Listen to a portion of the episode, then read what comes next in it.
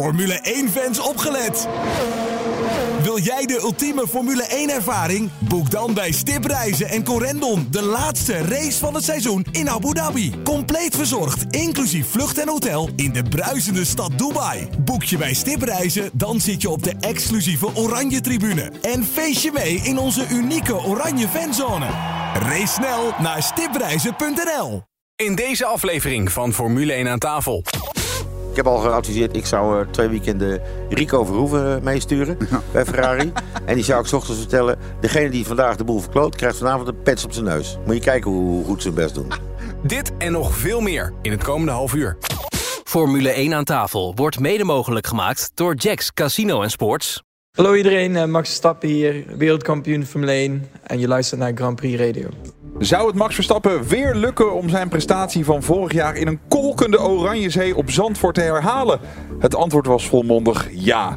Verder de soap rondom eh, Ferrari. Hoe lang kan Binotto nog aanblijven als teambaas? Wat gaat er door het hoofd van Lewis Hamilton? En wat was er nou precies aan de hand met de auto van Yuki Tsunoda? Welkom bij aflevering 36, jaargang 4 van Nederlands grootste Formule 1 podcast vanuit de Harbor Club in Vinkenveen. Ik ben Mattie Valk en dit is Formule 1 aan tafel.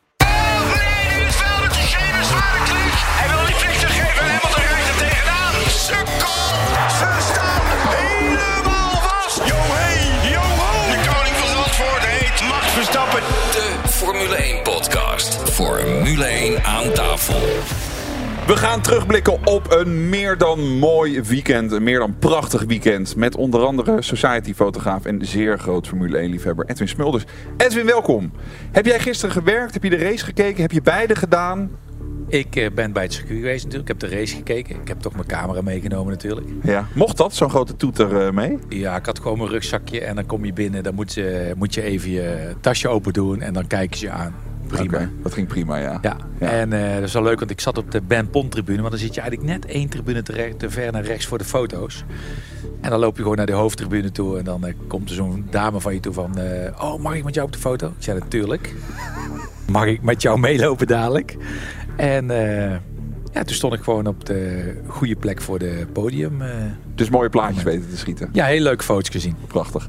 Dan bij ons Formule 1 commentator van Grand Prix Radio, Olaf Mol. Olaf, hoeveel bitterballen heb jij gisteren besteld tijdens de race? Want we hoorden tijdens je verslag steeds een eh, belletje van eh, de keuken gaan. Ik kreeg aan het einde van de dag een bonnetje, dat stond op 23.754. Ik zeg, nou, dat, dat kan niet kloppen, dat moeten er meer geweest zijn. Oké, daar komen we zo meteen even op terug. En dan vaste waarde bij F1 en tafel en Formule 1 analist van Grand Prix Radio, Frans Verschuur. Ehm, Frans, auto, gordels, vast en zeker, maar die ging even niet op voor Yuki. Hoe ging dat nou? Wat, zat er nou? wat was er nou aan de hand? Nou, zo'n gordel aan vastzetten, dat is een bepaalde procedure. Mhm. Eh, die overal dat hij niet dubbel zit en dat soort dingen allemaal. Want als je dan verkeerd trekt of je zit bij je scrotum dat het daar niet goed zit, ja, dan, en je komt met, twee, met 4G door een bocht heen, nou, dan ga je wel anders praten hoor, door die, eh, door die radio heen. dus het is best wel een, een bepaalde manier. En Ja. als het dan snel moet, normaal zijn ze er echt wel even mee bezig, maar als het dan snel moet, ja, dan doet de een dit, dan trekt die ander hem weer te vast, dan gaat die linker weer niet. Dan begrijp ik wel dat het iets langer doet. Komen we zo meteen over te spreken, want Toto Wolf die denkt er het zijn ervan. Erik, ik wil eerst even alle emoties op tafel, want eh, hebben we genoten? Edwin, hebben we genoten? Ja, het was natuurlijk een fantastische dag. Ja.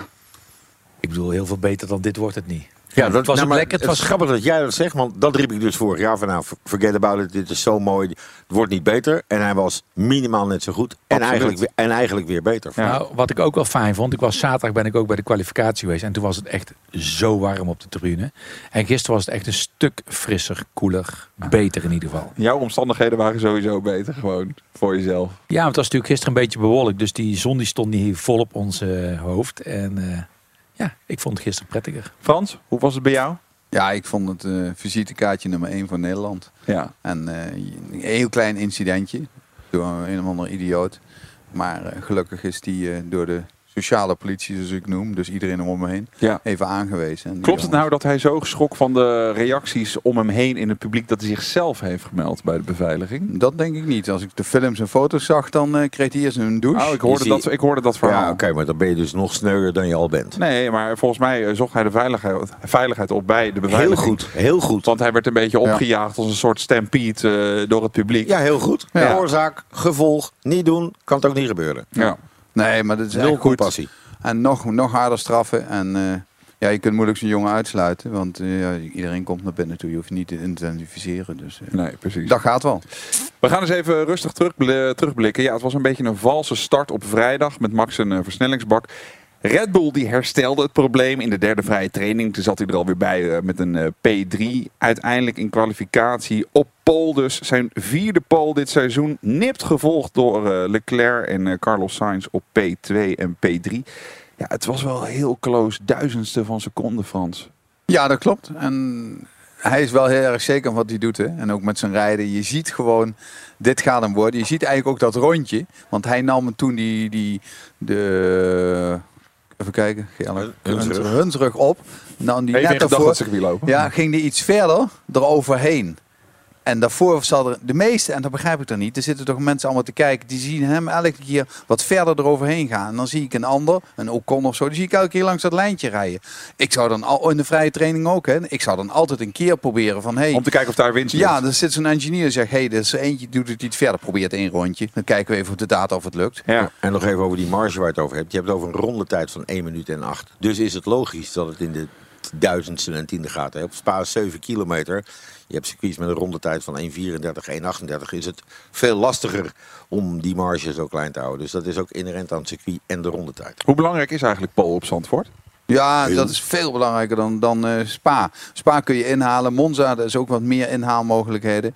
En, en daarom is zo belangrijk in een soort circuit als Zandvoort, wat er meerdere zijn, dat je vooraan staat. Daarom zie je daar ook dat ze daar geen motoren wisselen.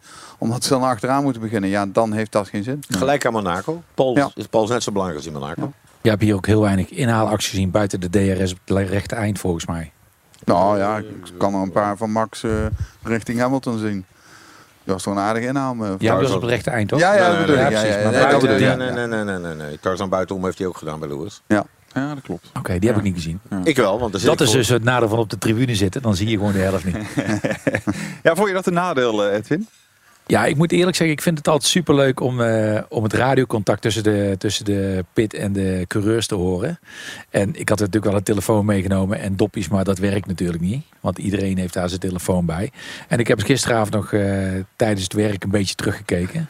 Omdat ik dat gewoon heel leuk vind. En dat mis ik wel in het... eh, Ja, Oké, maar je gaat dus op de tribune zitten voor de, om de sfeer te proeven en om mee te maken wat het is om fan op een tribune te zijn. En het liefst zit je gewoon thuis met je tweede scherm en dingen erbij. Ja, 100%. juist. Kijk, nu zit je eigenlijk het grootste gedeelte van de race. Kijk je eigenlijk op het, op het scherm wat aan de overkant van de tribune is. Want ja, ze komen bij ons alleen maar recht voor. eh, nou, het komt gewoon allemaal heel hard voorbij. En je ziet eigenlijk heel weinig. Maar dat is grappig dat je dat vroeger zei, want heel vroeger op de tribune, en ik heb dat in het verleden op Zandvoort ook wel gehad, was een autorace op de tribune bloedspannend. Waarom? Ze kwamen even aan je voorbij en dan moest je dus in dit geval 1 minuut 7 wachten. En dan ging je kijken wie er nou weer als eerste bos uit uit. En dat is dus door, door al die schermen, is dat niet meer. Dus daar hebben ze ook nog een stukje spanning. Ik denk het eerste circuit wat aan gaat durven om die grote De schermen uit te zetten. om die, weg te, om die gewoon weg te halen, dan ga je een ongelooflijk andere beleving op de tribune meemaken. Omdat het heel spannend is. Wie komt er nu weer als eerste het rechte stuk op? Interessant. Je Ik kan zat echt- gewoon niet ik naar de zat echt- schermen kijken. Ik zat echt met mijn telefoon te klokken de hele tijd. En op een gegeven moment had je wel in de gaten dat Lewis echt wel serieus inliep op Max elke ronde. Liet Ja. die gebeuren. En eh, dan zitten ook mensen, ja, hoeveel, hoeveel, hoeveel? Dus mensen gaan er toch ook weer bij mij meekijken op mijn telefoon hoeveel, hoe groot Ja. het gat was. Info is alles. Komen we zo meteen eh, over te spreken. We gaan eerst even eh, terug naar de start van de race. Want eh, naast jou zaten er nog ruim 105.000 andere toeschouwers op dat moment op de tribune. Een eh, fantastische sfeer. En Olaf Mol en Jack Ploy voor Grand Prix Radio. Zondag 4 september, groene vlag.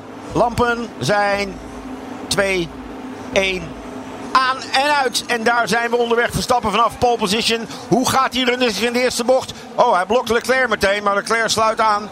Max doet het daar goed. Checker Perez aan de buitenkant. En Lewis, zo, spint bijna. Raakt daar Carlos Sainz. En dus er een gaatje. Lando Norris aan de buitenkant. Naast George Russell bovenaan in beeld. Daar is het druk, daar is het spannend. En Lewis Hamilton had daar wel echt een moment. Dan het omhoog duiken. Lance Stroll zit daar redelijk goed. Hamilton heeft geluk gehad. En dan zit Mick Schumacher daar al één of twee breed richting het schijfvlak. En jongen, wat gaat het hier toch ongehoord hard omhoog. Maar we zijn er allemaal doorheen. Ja, Hamilton heeft daar geluk gehad. Dat had hij op Spa niet. Scheelde niet veel. Of we hadden weer dezelfde situatie gehad. Soort van. Nee, ja, het is.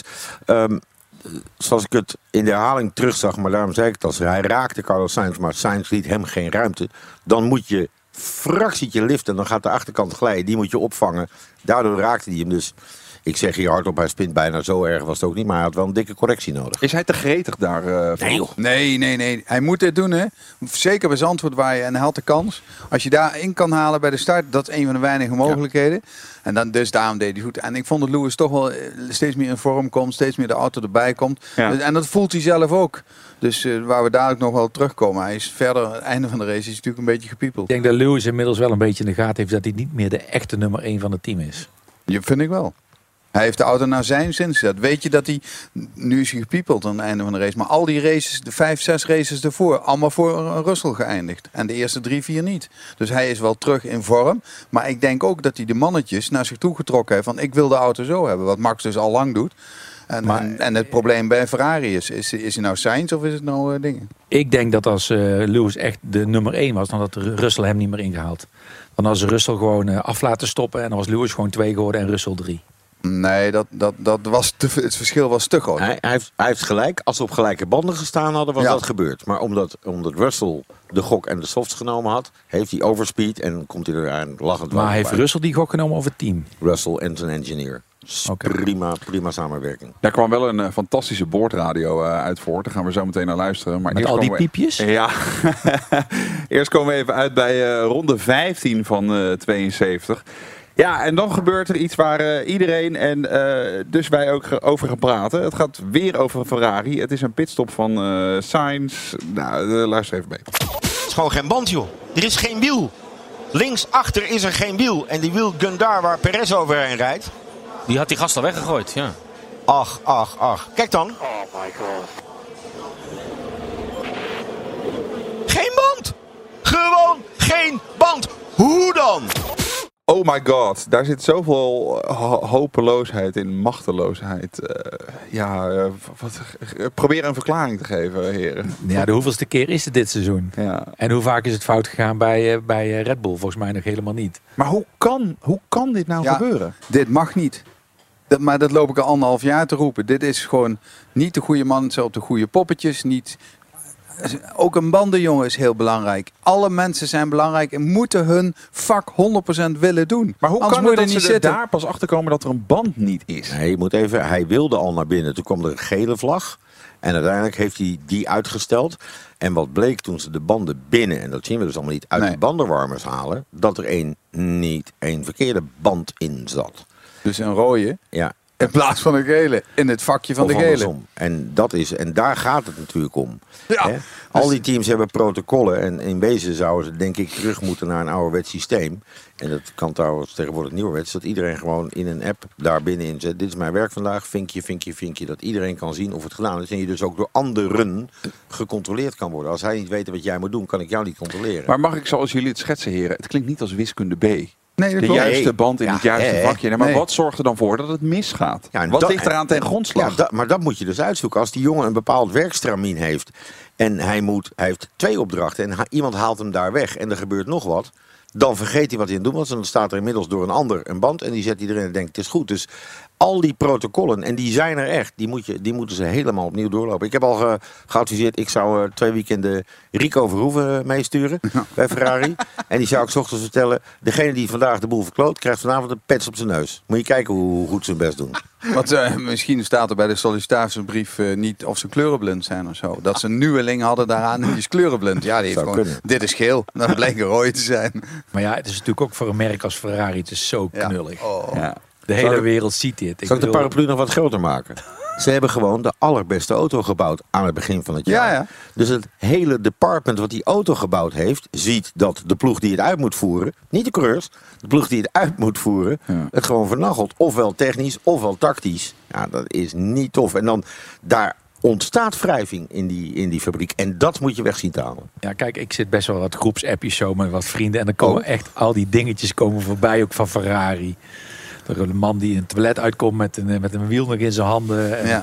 Een Ferrari met drie wielen, dat soort dingen. Dat is natuurlijk voor een merk is dat echt vreselijk. Ja, maar daar is internet toch fantastisch. Ik vind de creativiteit van het internet, vind ik, daar vind ik hem weer heel leuk voor. Ik vind alle onzin die mensen daar maar uitkramen en denken dat ze er maar wegkomen. Ja, zwaar, zo be it. Ik heb maar altijd dit het idee dat van tevoren al dingen voorbereid zijn. Als dit gebeurt, doen we dit. En als dit gebeurt, doen we dit. Want je krijgt ooit filmpjes binnen. Dan is het Ja, echt wordt net gebeurd en dan is het er al. Ja, maar vind- dat- dat is dus het, eh, net zo pijnlijk, want dan is het dus voorspelbaar dat er weer wat bij Ferrari gaat gebeuren. Wat hilarisch is, is ook als je de reacties van Ferrari leest, waarom het gebeurt en zo. Het gaat ook werkelijk nergens over. Maar wat moet je ervan zeggen? Het is gewoon heel knullig en Ja. er staat gewoon iemand gruwelijk te slapen. Ja. Ja, maar Binotto zegt dus dan dat het journaal je te hard is. Want alle fouten die wij menen te benoemen als fouten zijn geen fouten. Leg bij het fout Ja. aan. Ik geloof dat Sainz voor 14 seconden verloren of zo. Ja, te veel. Alles. Alles. te veel. We gaan naar ronde 44 van de wedstrijd, want daar gebeurt echt iets heel opmerkelijks. Eh, kort samengevat, eh Yuki Tsunoda die voelt iets vreemds aan zijn auto. Hij zegt dat de banden niet vastzitten. Team zegt vervolgens van wel. In ronde 47 komt hij naar binnen. We zien twee monteurs aan zijn autogordels trekken, zoals jij net eh, schetste Frans. Nou, een hoop geduw, het duurde ook lang. Hij wordt weer naar buiten gestuurd en moet even in ronde 48 stoppen, omdat er iets gebroken is met als gevolg ja, een virtual safety car. Het gebeurt allemaal. Hij heeft dus gedacht dat hij een lekke band was, maar dat is iets anders aan de auto geweest. Wat ze niet kunnen zien Maar op de data. hij- als het goed is, heeft hij sensoren op zijn stuur die hem ook inderdaad aangeven als de wielen niet goed vastzitten. Dat is gewoon een magneetje en dan is het groen of het is rood. Normaal gesproken geeft je dat de tijd om in de pitstraat te stoppen. Wat hij verklaard heeft, is dat hij voelde dat er één achterwiel wielspin had en de ander niet. Dan ga je denken, hé, er is wat met mijn diff. Hij parkeert zijn auto in eerste instantie, Ja. Wil eruit. En dan komen we nog bij een detail wat Frans net uitlegt. In onze tourwagens zit, het is een zespuntsgordel. Hè? Dus er zit in het midden zeg maar een ronde knop waar al die zes punten van die gordel in komen. Bij ons zit hij vast aan één deel van de gordels. In een Formule 1 auto, als je hem losdraait, heb je alleen maar die knop in je handen. Dus het is nog veel moeilijker om hem terug te zetten. Snap je dat? Absoluut. Want het is gewoon een losse, een losse ronde knop waar er dus dan in één keer zes dingen in moeten. En in een en dan moet je er een goede erin zetten. Een soort origami wordt het. Ja, nou, maar in een toerwagen hoeven er maar Ja. vijf in. Ja, dat klopt. En ben je die knop nooit Ja. kwijt. Dus dat, dat is het. En Jody Egerton, die zag ik op de pitmuur heel druk praten tegen Yuki. Want die heeft een eh, controle uitgevoerd. En ja, dat je probeert in een wedstrijd, als hij terug is en je hebt zijn gordel weer vast. Dan vind ik het wel logisch dat je zegt, ja, alle systemen roepen het is oké. Ga maar weer tot de systemen roepen het is niet oké. Dus Ja. dat is wat er volgens mij gebeurd is. Ik zie daar weinig verkeerd aan, want dat mag volgens mij. Dat los met je gordels terugrijden, dat mag niet. Daar heeft hij dus een reprimande voor gekregen. Dat is volgens mij zijn vijfde reprimande, wat ook weer gevolgen zou kunnen hebben. Ja, sterker nog, je mag best vijf reprimandes hebben, dan heeft dat geen gevolgen. Maar vijf reprimandes die gaan over veiligheid of over eh, rijdersfouten in één seizoen, tien plaatsen gridstraf in Monza. Die komt er grijt aan. Die komt er sowieso, denk je. Omdat het vijf rijgerelateerde eh reprimandes zijn. Ja. En ik vond hem best goed dit weekend. Yuki, ik vind Ah, het echt jammer. Yuki is altijd wel goed. Hij heeft nog een beetje pech. Hij moet een beetje rustiger blijven. Nog heel even terug, er was een hele discussie nog op social media. Ik denk dat we deze theorie naar het eh, Rijk der Fabelen gaan eh, verwijzen. Maar dat dit een opzetje was van Red Bull. Schandalig. Toto Nee. Wolf heeft dat dus geroepen. En dan ga ik weer even terug. Zaterdag was het de schuld van Perez dat ze geen pol hadden. En is het zondag de schuld van Yuki Tsunoda dat ze hem niet winnen. Hou nou toch op, joh. Ik vind dat, de, ja, Ja. We moeten, ehm, eh, Toto Wolf moet dat gewoon niet meer doen, joh. Dus echt, die man is... eh, Mercedes kan dus alleen maar wedstrijden winnen als ze vooraan beginnen en hun eigen tactiek kunnen uitvoeren. Op het moment dat ze door het veld heen moeten. De woorden van Alonso volgens mij. Ja, maar, het is, het, het- maar dat, het- hij haalt daar wel een punt. Hij, hij, hij maakte het persoonlijk door het bij Lewis neer te maken. Ga maar terugkijken. Dit was een team wat in 2014 het hele veld op een rondje kon zetten, maar het niet deed. Hè. Maar oh wee, oh wee, als er anderen in de buurt rijden. Nou, nou, nou, dan wordt het lastig. Want ze hebben dus nou, ze hebben niks geleerd van vorig jaar. Wat denken jullie? Had Max hem voorbij gelaten, Lewis? Hoe bedoel je? En Nou, als Lewis door. wel door Wat denk je zelf? Als er geen, eh, nou, ik denk dat Max hem nooit voorbij had laten rijden. Nee. Nooit. Tuurlijk niet. Zeker Maar niet in Nederland. Was ook niet gelukt. Nee. Hij reed er wel heel snel naartoe. Er ging wel een seconde bijna per Ja, ronde maar dat laat Max soms gebeuren. Ja. En dan gaat, hij, dan gaat hij ervoor zitten. En hij had natuurlijk snellere banden, maar dan, die worden natuurlijk ook weer slechter. Nee, Max doet dat, joh. Die laat hem tot twee seconden komen zo. En dan, dan heeft hij zijn banden nog gespaard. Die andere die Precies. haalt al, oh ik haal het, ik haal het. Dus die gaat nog meer uit zijn banden Ja. halen. Nog meer, nog meer, nog meer, eh, minder elektriciteit. En Max denkt, laden, laden, laden, wachten, wachten, wachten. Oh, hij komt in de buurt, krijgt hij van hem zo over. Nou ga ik. Dezelfde slimmigheid die Lewis in het begin deed vanaf P4. Hè? Want die reden achter die Ferrari aan. Dat gaan we helemaal niet inhalen. Want Nee. die jongens rijden op soft, die verdwijnen wel. Toen Ja. heb ik al geroepen, die komt nog aan de leiding van de wedstrijd. En zo gebeurde het. Daarover Hoeveel gesproken- afstand zou er zitten tussen die bijna crash van eh, Russell en Lewis? Op het rechte eind, dat scheelde echt. Dat, volgens mij zag je uiteindelijk in de, in de beelden achteraf, daar zat eh, Leclerc, de cooldown room heet het volgens Ja. mij. Eh, daar bespraken ze nog even de laatste beelden. En het was ook, je zag Max ook, wow, dat was En heel Rus- close. En, en Russell riep ook, oeps, was close. Ja.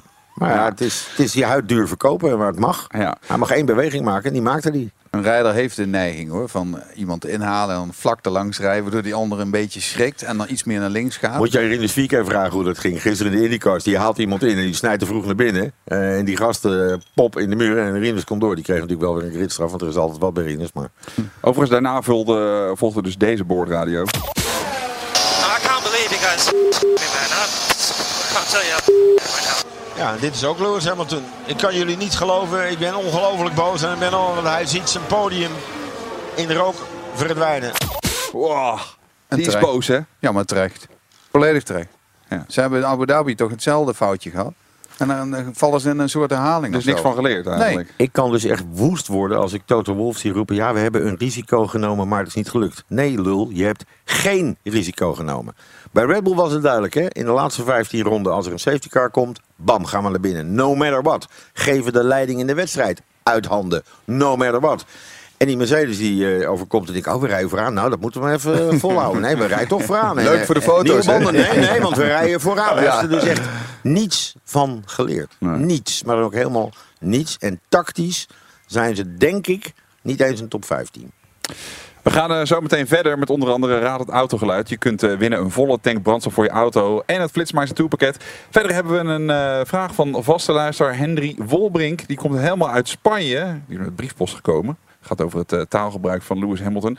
Komt Colton Hurta naar de Formule 1? En we gaan een beetje voorbeschouwen alvast op Monza. Tot zo.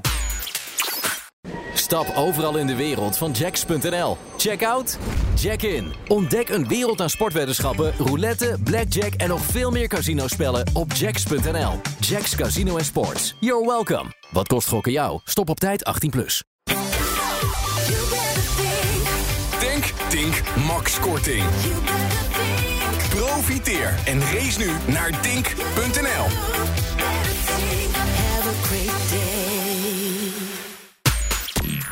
Formule 1 aan tafel wordt mede mogelijk gemaakt door Jacks Casino en Sports. Welkom bij de grootste Formule 1 podcast van Nederland. Je luistert Formule 1 aan tafel. Vraag binnengekomen van een luisteraar deze week eh, van Henry Wolbrink. Vaste luisteraar, die stuurde een vraag naar F1 aan tafel, at grandprixradio.nl. Hij zegt, eh, heren, is het jullie ook opgevallen dat Lewis zijn taalgebruik anders is geworden? Hij quote, that others, that car, that team, them. Puntje, puntje, vraagteken. Ja, Ja. mij is niet opgevallen eigenlijk. Maar Nee. Nee, mij wel, maar dat heeft ermee te maken. Vroeger reed hij alleen maar vooraan. En Ja. had hij het alleen maar over de auto om zich heen wat zijn teamgenoot was. Tegenwoordig rijdt hij de ene keer naast een Ferrari. Dan Ja. zit er ineens weer een ander tussen. Dan weer dit, dan weer dat, dan weer zus. Dus om het hem zichzelf makkelijker te maken, heeft hij het maar over Hully. Eigenlijk kunnen we alles Hully. Hully en Zully. Ja, Hully en Zully. Ja, gaan we nog even terug naar eh, Zandvoort. Eerste deel van de race was misschien niet zo heel spannend. Ik mag nog nooit zeggen van Jawel, maar toch juist heel spannend. Juist heel spannend, want je weet nooit wat er gebeurt. Max heeft op dat moment nooit meer dan vier seconden voorsprong gehad, Pik. Maar goed, jij had het zelf ook over een gratis nieuwe race. Ja, natuurlijk. Nee, maar dat, dat is een cadeautje. Dat, ja, maar dat is wel een cadeautje. Ja. Ik heb nog geroepen, het is geen sprintrace. Want ik weet wat ik roep. Max Verstappen doet waar hij goed in is. Hij pakt zijn eh, dertigste overwinning in de Formule 1. En is daarmee eh, de jongste coureur ooit die dat bereikte. Laten we nog heel even luisteren naar het moment dat hij over de finish komt. Hij is onderweg naar prolongatie van zijn wereldtitel. Time en punten zijn aan zijn zijde. Max Verstappen met overmacht.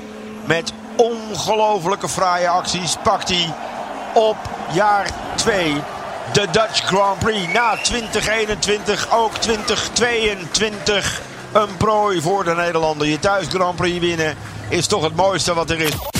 In Nederlandse sporthelden, hè, als we kijken naar de geschiedenis van ons. Waar kunnen we even Max nou inschalen? Om het een beetje... Johan Cruijff, Ja? denk ik wel. Ben je het daarmee eens, Edwin? Nou ja, kijk, hij is natuurlijk heel jong. En Dat niet goed is, eh, die van Gerwen. Zo. Heel veel jaren eh, wereldkampioen worden. Maar ik bedoel, hij heeft wel iets teweeg gebracht. Ik bedoel, volgens mij hebben er gisteren iets van 6, 7 miljoen mensen Formule 1 gekeken. Dus eh, hij Ja. is een held. Ja. Helmut Marco die zei, maar volgens mij heeft hij nog nooit een onvertogen woord over eh, Max Verstappen eh, gezegd. Eh, dit wordt een van de grootste aller tijden. Ja, maar daar is hij natuurlijk Ja. wel hard naar op weg. Dat is natuurlijk ook logisch. Want daarom dat ik het mooi Nederlands vertaalde, time is on his side, weet je. Hij is nog maar zo jong. Dat is wat ik eigenlijk mee zeg. Ik denk als je Kruif noemt, dat je in zijn tak van sport ook eh, bepaalde jongens in het schaatsen niet kunt vergeten. Sven Kramer heeft natuurlijk ook wel gedaan. Is nu ook op sociale bezig om, om jongeren weer met, met schaatsen. Dan denk je het daar allemaal wel weer een kan schaatsen geen. B-sport dan? Nee, dat, dat moet je ook niet zeggen. Dat mag je nooit zeggen. Want die sport hebben volgers. En al zijn het er maar 10.000, dan is zo'n sport in Nederland grootzat. Ik ja, maar als ik in Amerika Sven Kramer noemt, dan denken ze dat het een darter is of zo. Nog eens?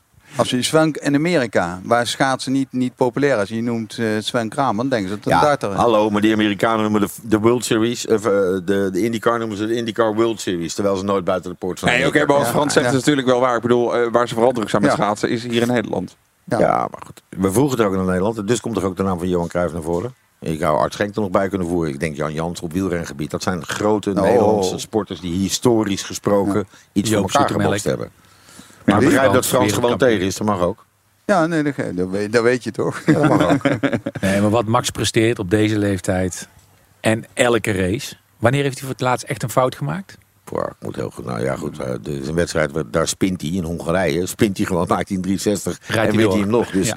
ja. moet je het dan een fout noemen? Bijzonder fraai opgelost, sowieso. Ja, nee, dat is Ja, maar dat was niet zijn fout. Hè. Er was een probleem met, eh hij ging in een andere motorstand rijden. Dus, ja. Waardoor als je het gas geeft, de auto sneller pa- oppakt. Ja. Ja. en als je dan bij die bocht komt en je geeft hetzelfde gas, oh, hij pakt een andere stand. Je moet even reageren. Ik heb toch, eh, heren, ik blijf een bok in de keel houden op het moment Oh. dat eh, Max eh, Jos eh, dan omhelst. Ja. Dat blijft toch prachtig. Ja, dat maar- blijft wel super mooi. Ja, dat vind ik ook super mooi. Ik vind wel dat hij weet hoe het gekomen is. En dat heel Nederland weet hoe hij daar gekomen is. Ja. En dat is zo fucking Het belangrijk. moment dat hij Pol pakt en die helm omhoog houdt. Het pra- Ja. Olaf, dat is toch prachtig? Ja, dat zijn, dat Dat is zijn, toch kippenvel? Dat zijn echt een goeie. Dat is, heel, eh, dat, dat is heel bijzonder. En ik, wat ik erg knap vind aan Jos, is dat Jos, en ik heb wel eens met hem over gesproken daar, Jos zich gerealiseerd heeft eh, dat hij in zijn carrière bepaalde dingen niet gedaan heeft.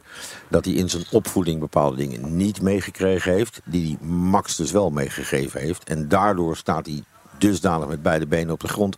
En weet hij waar hij vandaan komt. Want het is, ehm, ja, wij roepen Max Verstappen wordt wereldkampioen. Nee. En Max zegt tegen zijn vader, we zijn wereldkampioen. Ja. En daar ligt, daar, ligt die, daar ligt die ongelofelijke nuance. En ik denk ook dat het ermee te maken heeft dat Max op vrij jonge leeftijd, gewoon heel reëel, ik denk die drie, vier stiefbroertjes, stiefzusjes, Ja. altijd babytjes om zich heen. Ja. Nee, maar dat is wel. Normaal wordt de jongere daar niet zo vaak mee geconfronteerd. En, en dat is helemaal niet erg. Maar ik denk dat je daardoor wel. Die familieband voor hem is wel heel sterk. Ja. Dan Ja, maar ook vorig jaar het moment met dat wereldkampioenschap met hun, met z'n tweetjes daar Ja. in die, eh, Ja. dat is gewoon kippenvel. En dat is gewoon een van de sportmomenten van vorig jaar, denk Ja. ik. Zou die Stroll dat ook doen bij zijn vader, denk je? niet? Denk ik niet. Ik denk dat hij opslag vraagt.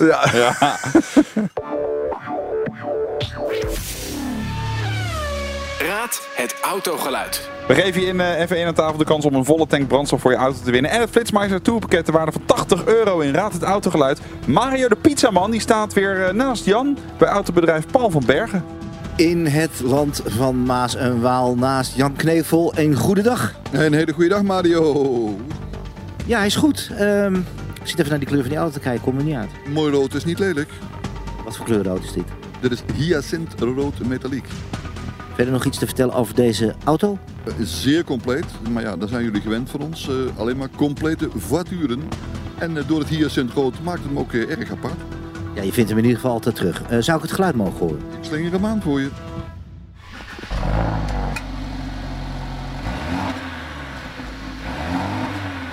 Waar vinden we deze auto, Jan? Deze vinden we op www.paulvanbergen.nl. Daar vind je hem wel.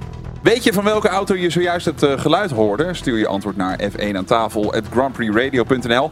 Winnaar van vorige week is eh, Robert-Jan Meijvogel. En het geluid was dat van een eh, Mercedes ML350. Gefeliciteerd, veel rijplezier met je gratis volle tank brandstof voor je auto bij Tink. En je wint dus ook het Flitsmeister Tourpakket ter waarde van 80 euro. Die altijd aanstaat als je gaat rijden. Mag ik een vraag stellen, Edwin? Zeker.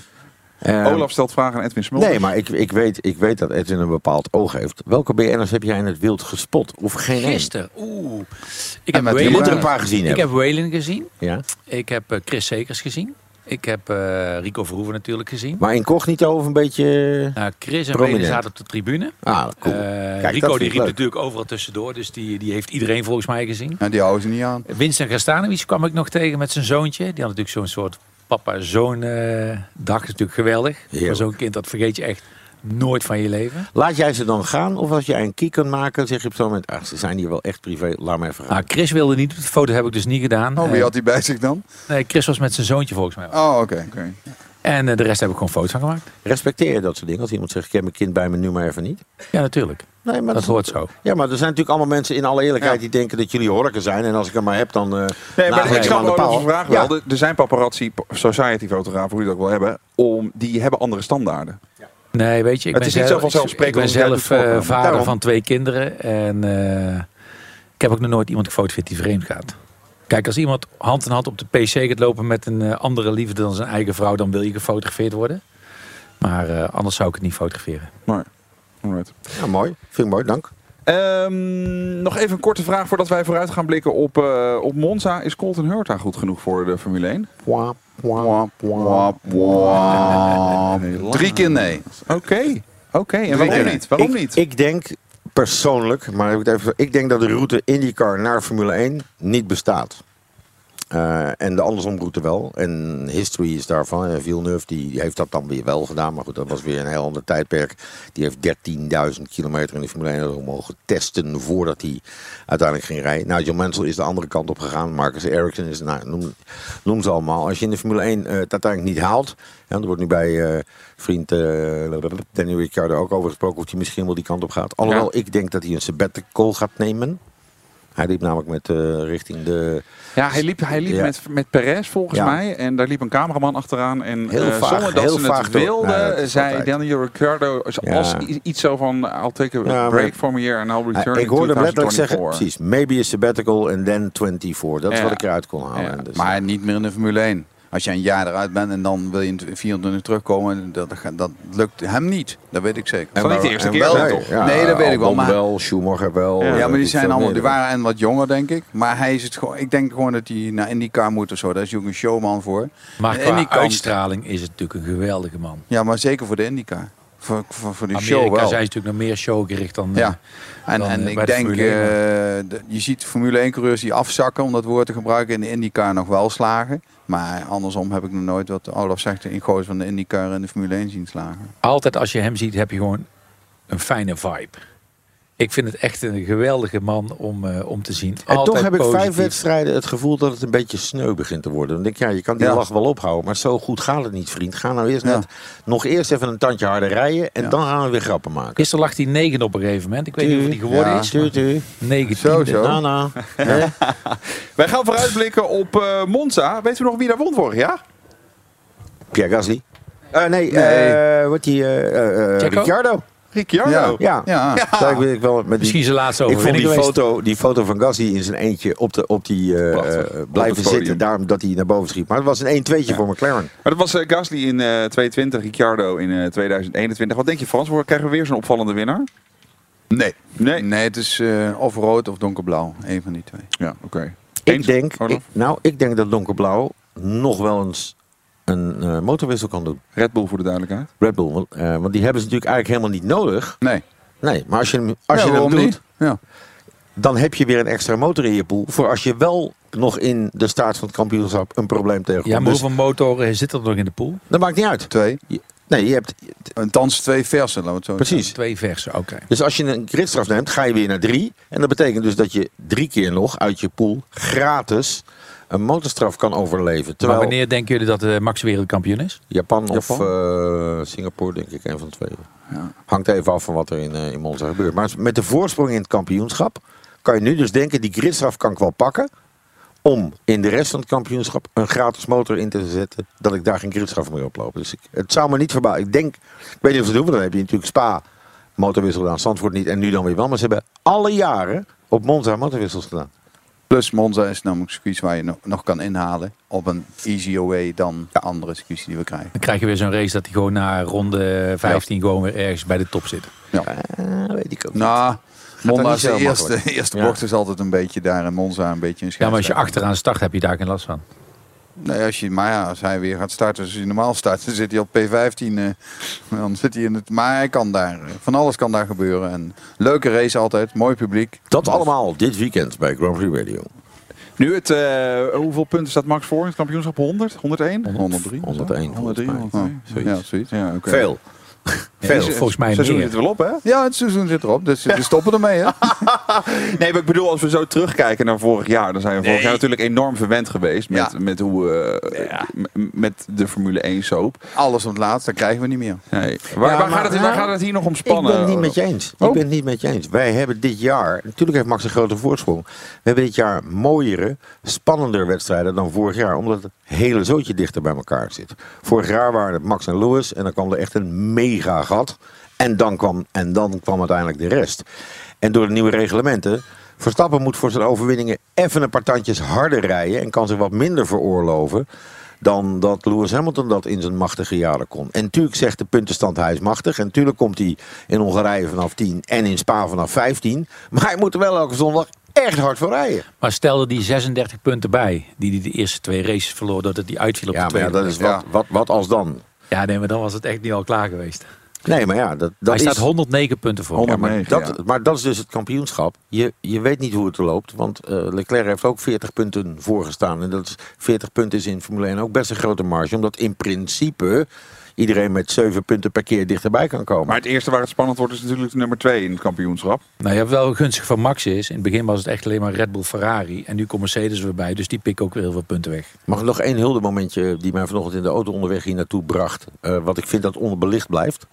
Oh. Wat hebben ze bij Honda een geweldige motor. Vergis je daar niet. Weten we nog dat we al die jaren dat hij met die, met die Franse klotenzooi aan het rijden was. Dat ding ging maar stuk. En, je kwam de, en daar kan je allemaal niks aan doen. Hè? Trok je de haren uit je En hoofd. deze heeft nu en de topsnelheid en in die zin de betrouwbaarheid. Want dan hoor ik nu weer mensen zeggen, ja maar die bak ging stuk. Ja, die wordt dus door Red Bull Racing gemaakt. Heeft Honda niks mee te maken. Honda heeft echt een waanzinnig goede motor gebouwd. En ze blijven tot 2000, eind 2025, zover ik begrijp. Ja, nee, en, en wat daar in de toekomst gaat gebeuren zien we dan nog wel weer. Maar ze worden vervolgens nu in Engeland in elkaar gezet. Dat, zover, zover ben ik wel. Het is eh, tijd voor een eh, voorspelling. Eh, Edwin, gaat Ferrari op het podium komen in Monza? Ja. Ja. Eh, Olaf, hoeveelste wordt eh, Latifi? Stijf la. Nee, hij finisht niet eens. Die gaat halverwege roepen. Oh, ik dacht dat het linksaf moest. Maar toen was, er- oh, was het deze ronde ook rechtsaf? Oh. Eh, Frans Verschuur, onze huismeteoroloog. Eh, is het droog op zondag of gaat het regenen? Nee, het blijft 100% droog. Supergoed, fijn ook. Ehm, voorspel het in eh, de GP Race Game als je het eh, beter denkt te weten dan de heren hier aan tafel. Ga naar grandprixradio.nl. Ja, en zoals gezegd kun je dit weekend weer eh, alles volgen bij Olaf en Jack via Grand Prix Radio. Ehm, online via de app eh, DB Plus in eh, zo'n beetje heel Nederland. Heren, dank jullie wel voor jullie aanwezigheid. Edwin, eh, dank je wel. Jij gaat eh, meteen door, hè? Ja, ik moet dadelijk eerst even een foto maken van de heren hier. En daarna gaan we naar eh, prinses Amalia. Die gaat vandaag voor het eerst naar eh, de Universiteit in Amsterdam. Heb je vandaag en Frans Verschuur en Amalia. Dat is wel echt... eh, ja, dat klopt. De jackpot op één dag. Mag ik nog even inhaken? Zeker. Oké, Monza, woensdag 90% kans op 18 mm regen. Donderdag 100% kans op 31 mm regen. Houd over zondag. Vrijdag 0,2, zaterdag 0, zondag 0. Oké. Prima. Maar is dat door Ferrari gegeven of door een ander? Dit is de standaard Olaf-app die wereldwijd... Oh, Want ik riep ook al, Zandvoort blijft het hele weekend droog. En die zei, nou, zaterdag gaat het regenen en een buitje op zondag. Ah, ah. Nou, we zien het eh, volgende week. Heren, dank jullie wel voor jullie eh, aanwezigheid. Ik mag jullie allemaal een eh, officiële Formule 1 Ferrari Trento Doc meegeven naar huis. Eh, volgende week is er natuurlijk een nieuwe aflevering met dan te gast NPO Radio 2 DJ en Music Director daar, Corné Klein. Eh, Olaf, jij bent er opnieuw en natuurlijk eh, onze Frans. Ja, 100%. Lekker. Formule 1 aan tafel. Redactie in de handen van Sjaak Beumer en Koen Bakker. Vormgeving en montage Marnix Westhuis. Draaiboek was in handen van Mario de Pizzaman. Ik ben Mattie Valk. Tot volgende week. De Formule 1 podcast. Formule 1 aan tafel. Nu is het enige wat we vergeten zijn in deze podcast Ja. het verhaal rondom dit belletje. Want eh, mocht je het wedstrijdverslag hebben geluisterd via Grand Prix Radio, hoorde je continu een, een belletje. Eh, Olaf, wat is het verhaal achter het belletje? Het eh, verhaal achter het belletje is dat we in een openbare strandtent zaten met de, het commentaargedeelte van Grand Prix Radio. Grand Prix Radio zelf, de DJ's hebben een fantastische dag gemaakt bij het tankstation van Tink. Wat echt radio radio is. Jack en ik doen natuurlijk het racecommentaar. En we zaten wel in een stuk waar wat doeken hing om het geluid een beetje tegen te houden. Maar pal achter ons zat dus de keuken. Eh, en ik moet ook weer eerlijk zeggen, ik gebruik een iets andere headset eh, dan dat Jack en de co-commentatoren gebruiken. En wat bleek dus, ja, die microfoons pakken iets te veel omgevingsgeluid op. Dus dan daar dat je vanuit die hoek af en toe uh, deze het is ook wel gezellig. Ondertussen staat hier heel veel personeel om ons heen. Ja. Uh, Om in paniek te kijken, wat moet ik brengen? Ja. Kijk, ja, echt serieus. Ja, ze komen, er, ze komen er echt aan. Maar een beetje omgevingsgeluid is ook wel, uh, is ook wel gezellig. Nee, de, de, hele, de hele sfeer was zo fantastisch. En die maak je daar echt mee. En als je in, ergens in de studio zit, dan, dan krijg je dat niet mee. Maar wij liepen naar buiten toe. En mensen die er allemaal waren, het was echt top. Als je het zag bij Grand Prix Radio, die hadden ook een actie op met tanken op, het, op de boulevard. Nou, die liep helemaal uh, de politie in paniek, iedereen in paniek. Ja, dus dat, dat, dat, maak je wel mee als je daar bent. En niet als je ergens striel achter broodje zit. Ik vond het wel heel bizar toen we weg, zeg maar, wij moesten naar, de, naar, de, naar boven lopen, naar de dijk, zeg maar. Daar stond dan de bus te wachten. Maar als je dan ziet hoeveel mensen daar lopen, echt bizar. Ja, ja geweldig hè? Um, Jij gaat nu naar Amalia, zei je net, Edwin? Ja, Amalia die gaat vandaag voor het eerst naar de universiteit. Hoe werkt dat dan? Want dan heb je een soort persafspraak en uh, het blijft toch fascinerend, jouw vak. Ja, we hebben gewoon, uh, je krijgt dan een uitnodiging van de Rijksvoorlichtingsdienst. Daar moet je voor accrediteren. En dan kiezen hun er een x-aantal uit die erbij mogen zijn. En dan uh, komt zij dadelijk aanfietsen. Ja. En dan mogen wij een foto maken. En dan zijn de bitterballen. Nu staan er ook echt bitterballen. Ja, maar is er wel. Hulde. Hey, Wouter. Um, Wouter. Wouter. Wouter is opnieuw Vorige opgestaan. week. Ja. Herrezen. Ik zal, herrezen. Ik zal geen uh, religieuze referentie maken, want misschien gaan de mensen naar de kerk onder de luisteraars. Uh, Wouter, ja, je bent het echt. Het is geen hologram, je bent er weer. Ja, ik, ik, ben, ik ben toch weer teruggekomen. Nee, ik werk uh, deze maand nog een aantal shifts op ah. freelance basis om, om oh. de overlopende maand. Dus vandaar dat ik nog een keer als verrassing hier ben. nou, de tranen zijn er droog van het afscheid. Ja. Um, maar wel fijn, want dan kun je nog één keer voorspellen zo direct ja. wie er dan wint. Maar eerst even, wat staat er op tafel? Ik heb wat, wat voor jullie gemaakt met uh, parmezaan en truffelolie. Er zit een uh, skirtstick op, een uh, beef tataki en uh, wat uh, beef nigiri's. Oké. Okay. Nou, voor de alle wat zijn dit? Dan? Ik vind het eigenlijk deze terugkomst emotioneel. Ja, ja. Eén week later. Ja. Um, jij, je gaat je naam in je eentje Davids veranderen, of wel? Ja. Oh, uh, oh, de, de, de, voorspelling nog even. Wie ja. wint er op Monza? Oh, ja. ik, ik, denk dat het nog één keer Max Verstappen wordt. Formule 1 aan tafel wordt mede mogelijk gemaakt door Jacks Casino en Sports. Let op. Alle gebruik van hetgeen in deze podcast F1 aan tafel wordt opgemerkt is ongeoorloofd. Zonder expliciete schriftelijke toestemming te zaken verkregen van Grand Prix Radio. Met inachtneming van een duidelijke, deugdelijke bronvermelding met link.